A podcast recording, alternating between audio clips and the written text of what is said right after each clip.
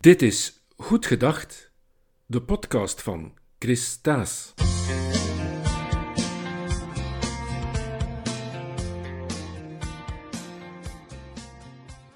Vandaag single, maar niet alleen.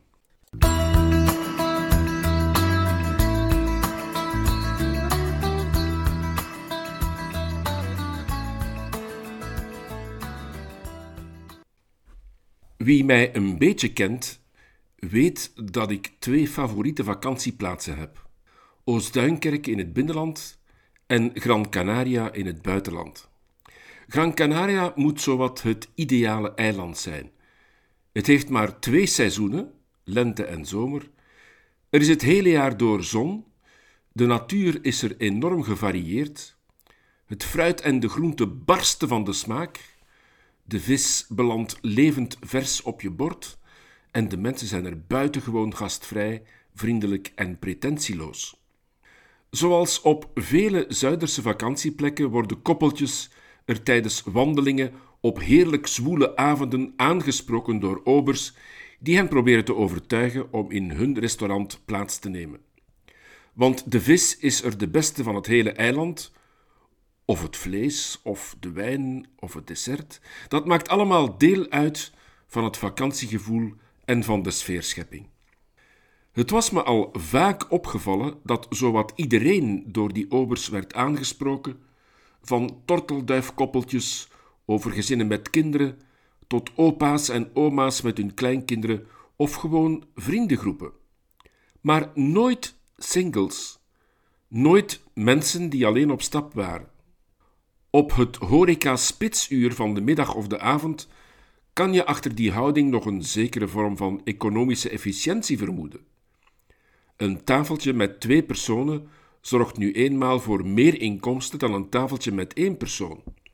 Maar ook op andere momenten, met meer lege dan volle tafels in het restaurant, zie je diezelfde reflex. Singles worden niet uitgenodigd om plaats te nemen. Bij de meest sociale obers kan er wel een knikje of een buenas tardes af, maar een doelgerichte aanspreking? Vergeet het maar. Enkele maanden geleden heb ik bij El Gaucho in Playa del Ingles, overigens een uitstekend grillrestaurant, de ober van dienst op de stoep aangesproken en hem gevraagd waarom hij me niet had uitgenodigd om een tafeltje te nemen, terwijl hij dat wel had gedaan met de twee koppels die voor mij aan het wandelen waren. De vriendelijke man stond met de mond vol tanden en ik denk niet dat het uitsluitend te wijten was aan de kwaliteit van mijn Spaans. Hij had het over een zekere schroom. Hij noemde het un temor of una timidez, omdat hij niet wist of zo'n single wel gediend zou zijn van een rechtstreekse aanspreking. Wie zich alleen op straat begeeft, is misschien eerder introvert, in zichzelf gekeerd, zoekt zelf weinig actief contact en is misschien gesteld op discrete privacy. De uitleg was eerlijk maar o zo ver verwijderd van de realiteit voor vele singles. Alleen op restaurant gaan is voor de meeste singles sowieso al een moeilijke onderneming. Je moet immers eerst alleen aan tafel wachten op de menukaart en nadien, afhankelijk van het soort avondmaal dat je in gedachten hebt, op het aperitief, het voorgerecht, het hoofdgerecht, het dessert en wat vaak het langst duurt, op de rekening.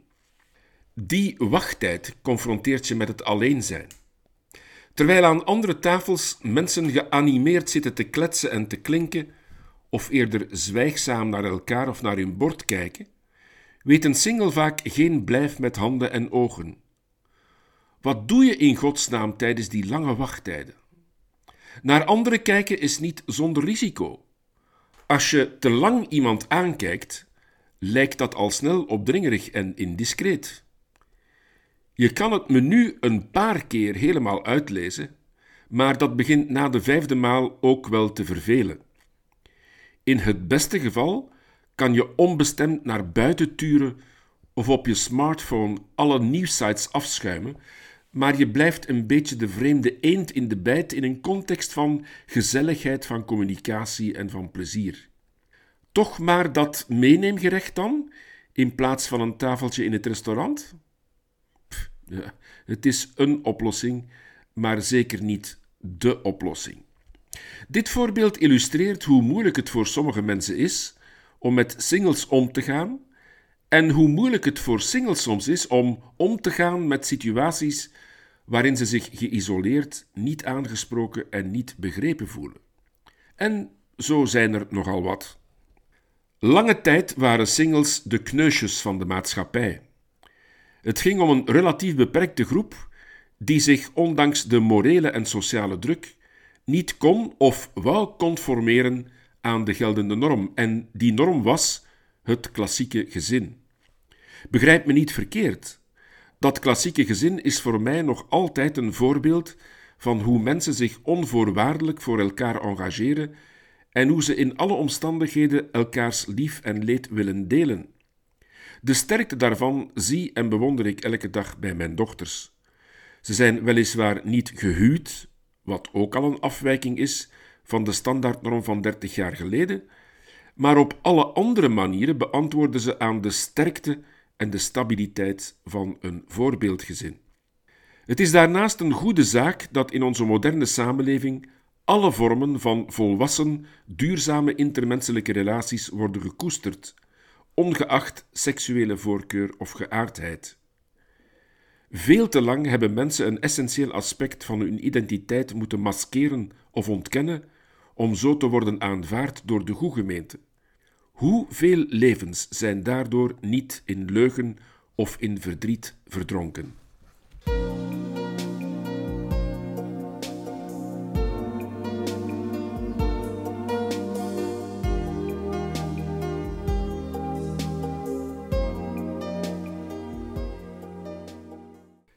Maar vandaag is de maatschappelijke realiteit helemaal anders dan drie decennia geleden.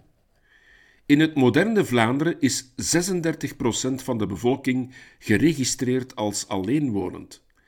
Dat zijn dus mensen die alleen gedomicilieerd zijn op één adres.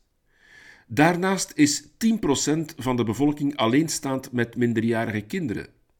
En van die 10% alleenstaande met kinderen is 80% vrouw. In totaal gaat het over een goede 46% van de Vlaamse bevolking. 46 procent. Dat is bijna de helft. En toch voelt die groep zich op tal van vlakken zwaar gediscrimineerd, miskend en niet begrepen. De groep singles groeit elk jaar nog aan en is bijzonder divers.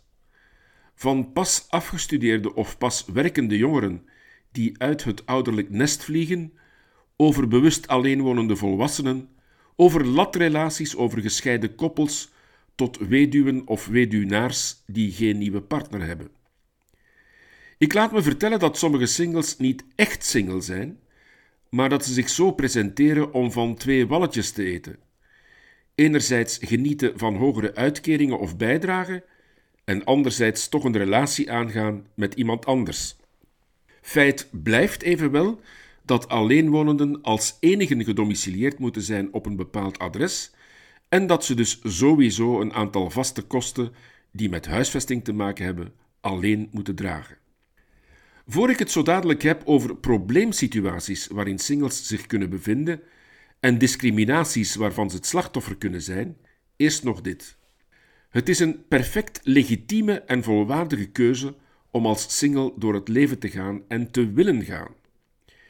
Ik heb kennissen die als single volstrekt gelukkig zijn en die er vooral de voordelen van inzien, zoals een bijzonder grote persoonlijke vrijheid en de afwezigheid van tal van verplichtingen en compromissen die nu eenmaal met samenwonen gepaard gaan. Zelf ben ik ongewild single.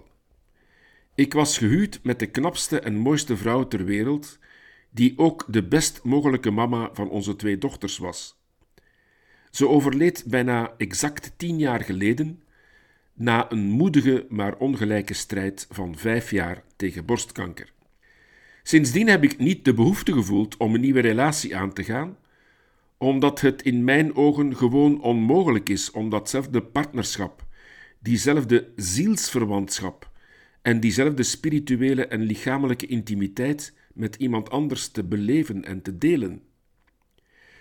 Misschien beklaag ik me dat ooit, of misschien verandert dat nog, maar voorlopig ben ik dus single. En als single stoot ik op een hele reeks probleemsituaties, discriminaties en ongelijkheden ten aanzien van gehuwden of samenwonenden. Om te beginnen is er de onmiskenbare fiscale discriminatie. Singles betalen 52% personenbelasting, gehuwden 35%. Dat is onbegrijpelijk en ook onaanvaardbaar. In het voorstel van fiscale hervorming van minister van Financiën Vincent van Petegem wordt dat probleem eindelijk erkend en aangepakt. Vraag is of en wanneer die fiscale hervorming er komt. Alle singles zouden moeten beseffen dat de concrete uitvoering van die fiscale hervorming de grootste stap zou zijn in het volwaardig erkennen van alleenstaanden die ooit door een regering werd gezet. Laat ons er dus voluit voor gaan. Ander voorbeeld. De inkomensgarantie voor ouderen is een uitkering voor 65-plussers die niet over voldoende financiële middelen beschikken. Singles die daarvoor in aanmerking komen, kunnen dankzij dit systeem hun maandelijkse inkomen optrekken tot 1460 euro per maand. Gehuwden en samenwonenden kunnen hun maandelijkse inkomen optrekken tot 973 euro, maar wel per persoon. In totaal kunnen ze hun gezamenlijk inkomen dus aangevuld zien tot 1946 euro. Dat maakt een verschil van bijna 500 euro per maand, terwijl de kost die een alleenstaande moet dragen relatief veel zwaarder is. Neem nu energie. Alleenstaanden kunnen wellicht kleiner wonen dan gezinnen of samenwonenden. Maar de energiekosten moeten door een alleenwonende, zoals het woord al suggereert, alleen worden gedragen, terwijl ze door gehuwde of samenwonenden in de meeste gevallen over twee inkomsten kunnen worden verdeeld. De verschillende overheden zouden moeten nagaan hoe ze door een aangepaste tarifering de relatieve financiële energielast voor singles zouden kunnen verlagen. Of telecomdiensten. De pakketten die er worden aangeboden zijn standaard bedoeld voor gezinnen en samenwonenden. Een alleenstaande moet dat abonnement alleen bekostigen. Telecombedrijven hebben allerlei promo's die erop gericht zijn om voordelen te bieden aan bijkomende gezinsleden. Bijvoorbeeld een goedkoop gsm-abonnement of toegang tot meerdere tv-toestellen. Maar er zijn geen promo's die een voordeliger abonnement voor alleenstaanden aanbieden, al maken die veel minder gebruik van gigabytes dan een gezin met drie tienerkinderen. Let wel, die tienerkinderen mogen gerust van het schaalvoordeel genieten, maar er zou ook een gelijkaardig min-tarief gehanteerd moeten worden voor mensen die het met minder kunnen doen. Streamingdiensten idem dito. Gezinsleden of samenwonenden kunnen de kosten van een streamingdienst delen, alleenwonenden niet. De regeling voor dienstenchecks is nog meer expliciet discriminerend. Een alleenstaande kan per jaar 500 dienstenchecks aankopen. De eerste 400 tegen 9 euro, de laatste 100 tegen 10 euro. Gehuwden of samenwonenden kunnen samen de eerste 800 dienstenchecks aankopen tegen 9 euro en de laatste 200 tegen 10 euro. Dienstenchecks zijn bedoeld om mensen in te huren die het huishoudelijke werk kunnen ondersteunen.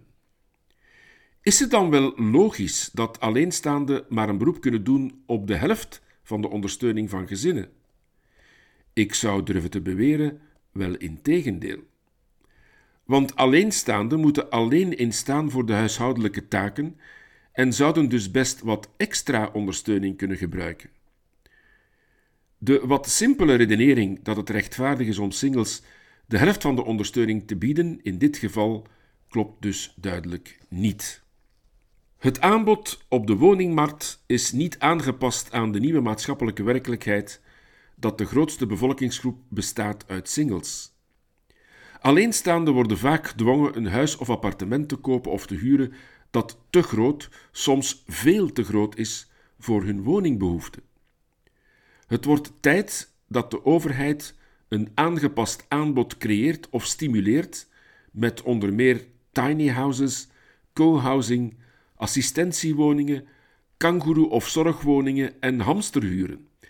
Aangepaste, kleinere behuizing draagt niet alleen bij aan de financiële haalbaarheid voor singles, ze zorgt ook voor een kleinere ecologische en ruimtelijke voetafdruk.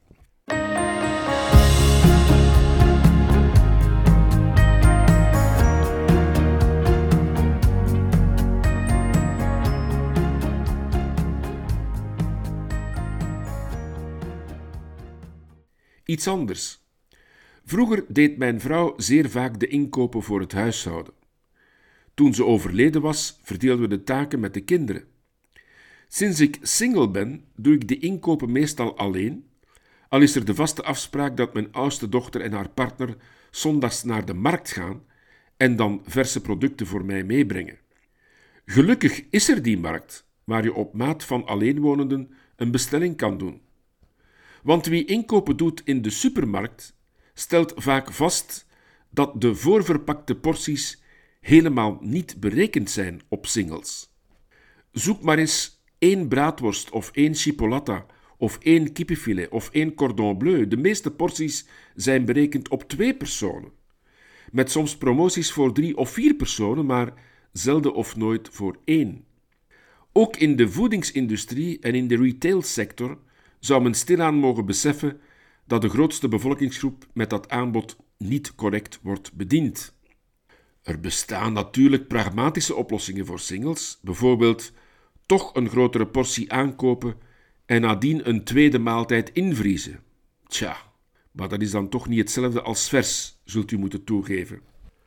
Nog een laatste voorbeeld om het af te leren. Toerisme. Toerisme? Ja, toerisme.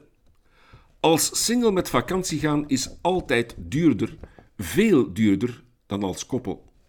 Een appartementje huren kost voor een single evenveel als voor een gezin. De verwarmingskosten die sinds de energiecrisis vaak moeten worden bijbetaald, evenzeer. Op hotel gaan is een pak duurder voor alleenstaanden. De aangeboden kamers kunnen immers zowel aan gezinnen als aan singles worden verhuurd. De redenering bij hoteluitbaters is dan dat het kostprijsverschil alleen doorberekend wordt op basis van het verbruik. Dus ontbijt, halfpension, volledig pension of all-in, en niet op basis van ruimte. In veruit de meeste gevallen betaalt een single dan 60 tot 65 procent meer dan een gezin. Ook daar zou de sector best erkennen dat de groep singles sterk is toegenomen en dat er dus ook een gepast aanbod moet worden voorzien. U weet dat ik me begeef in politieke middens, niet meer in een uitvoerend mandaat als burgemeester. Dat heb ik lang genoeg mogen doen en ik zie dat onze gemeente in goede en bekwame handen is met de nieuwe generatie. Maar wel als raadgever op lokaal, provinciaal en nationaal vlak. Het voordeel daarbij is dat je niet meer gebonden bent aan de hectiek van de dagelijkse loopgraven, maar dat je met wat afstand en wat ervaring bepaalde maatschappelijke evoluties kan bekijken en er je oprechte mening kan overgeven.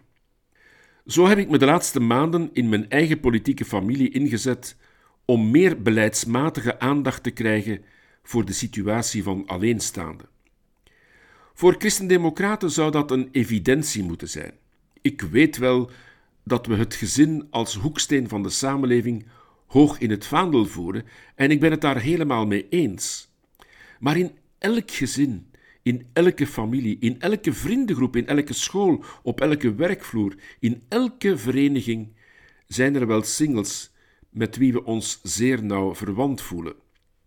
Als moderne gezinspartij vind ik dat we de doelgroep van alleenstaanden specifiek en positief moeten aanspreken. Want in een gedragen gemeenschapsvisie zijn net zij diegenen die bij uitstek nood hebben aan solidariteit, aan inclusie, aan begrip en aan ondersteuning.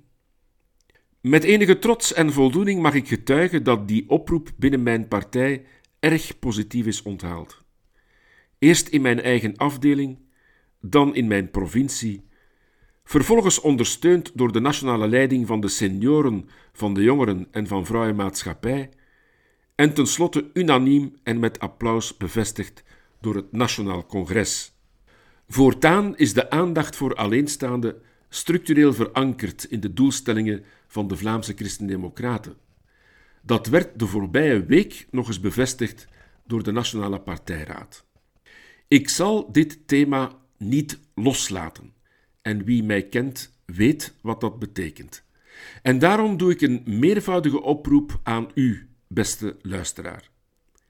Ten eerste, als u in uw omgeving singles kent die zich in dit verhaal en in deze analyse herkennen, stuur hen dan de link van deze podcast door en vraag dat ze hierop reageren door hun eigen ervaringen, hun problemen en hun wensen aan mij door te geven. Dat kan via de website van dit podcastkanaal, via een persoonlijk bericht op Facebook of via e-mail. Ten tweede, ik zou graag podcast-interviews doen met andere alleenstaanden. Bedoeling is om aan te tonen dat er een zeer grote diversiteit bestaat in deze grote groep en dat mensen daarmee ook op verschillende manieren omgaan. Zeker wanneer singles zelf creatieve oplossingen hebben gevonden voor bepaalde probleemsituaties, wil ik hen dat graag zelf laten zeggen. Laat hen dat zeker weten.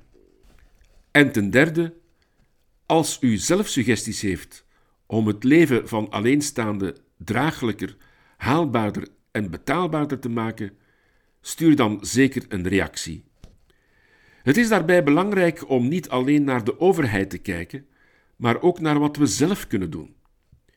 Een goede formule om een zo breed mogelijke visie te ontwikkelen is het hanteren van de volgende stappen. Ten eerste, wat kan ik zelf doen als individu? Ten tweede, wat kunnen wij doen als gezin, als familie, als vereniging of als werkgever? En ten derde, wat kan of moet de overheid doen om discriminaties weg te werken of te voorkomen? Tot slot nog dit aan alle singles die deze podcast horen. We zijn single, maar we zijn niet alleen. Laat ons de krachten bundelen om onze vergeten groep in het centrum van de belangstelling te krijgen en te houden. Het is zeker de moeite waard. Samen met u wil ik daar een positief verhaal van maken.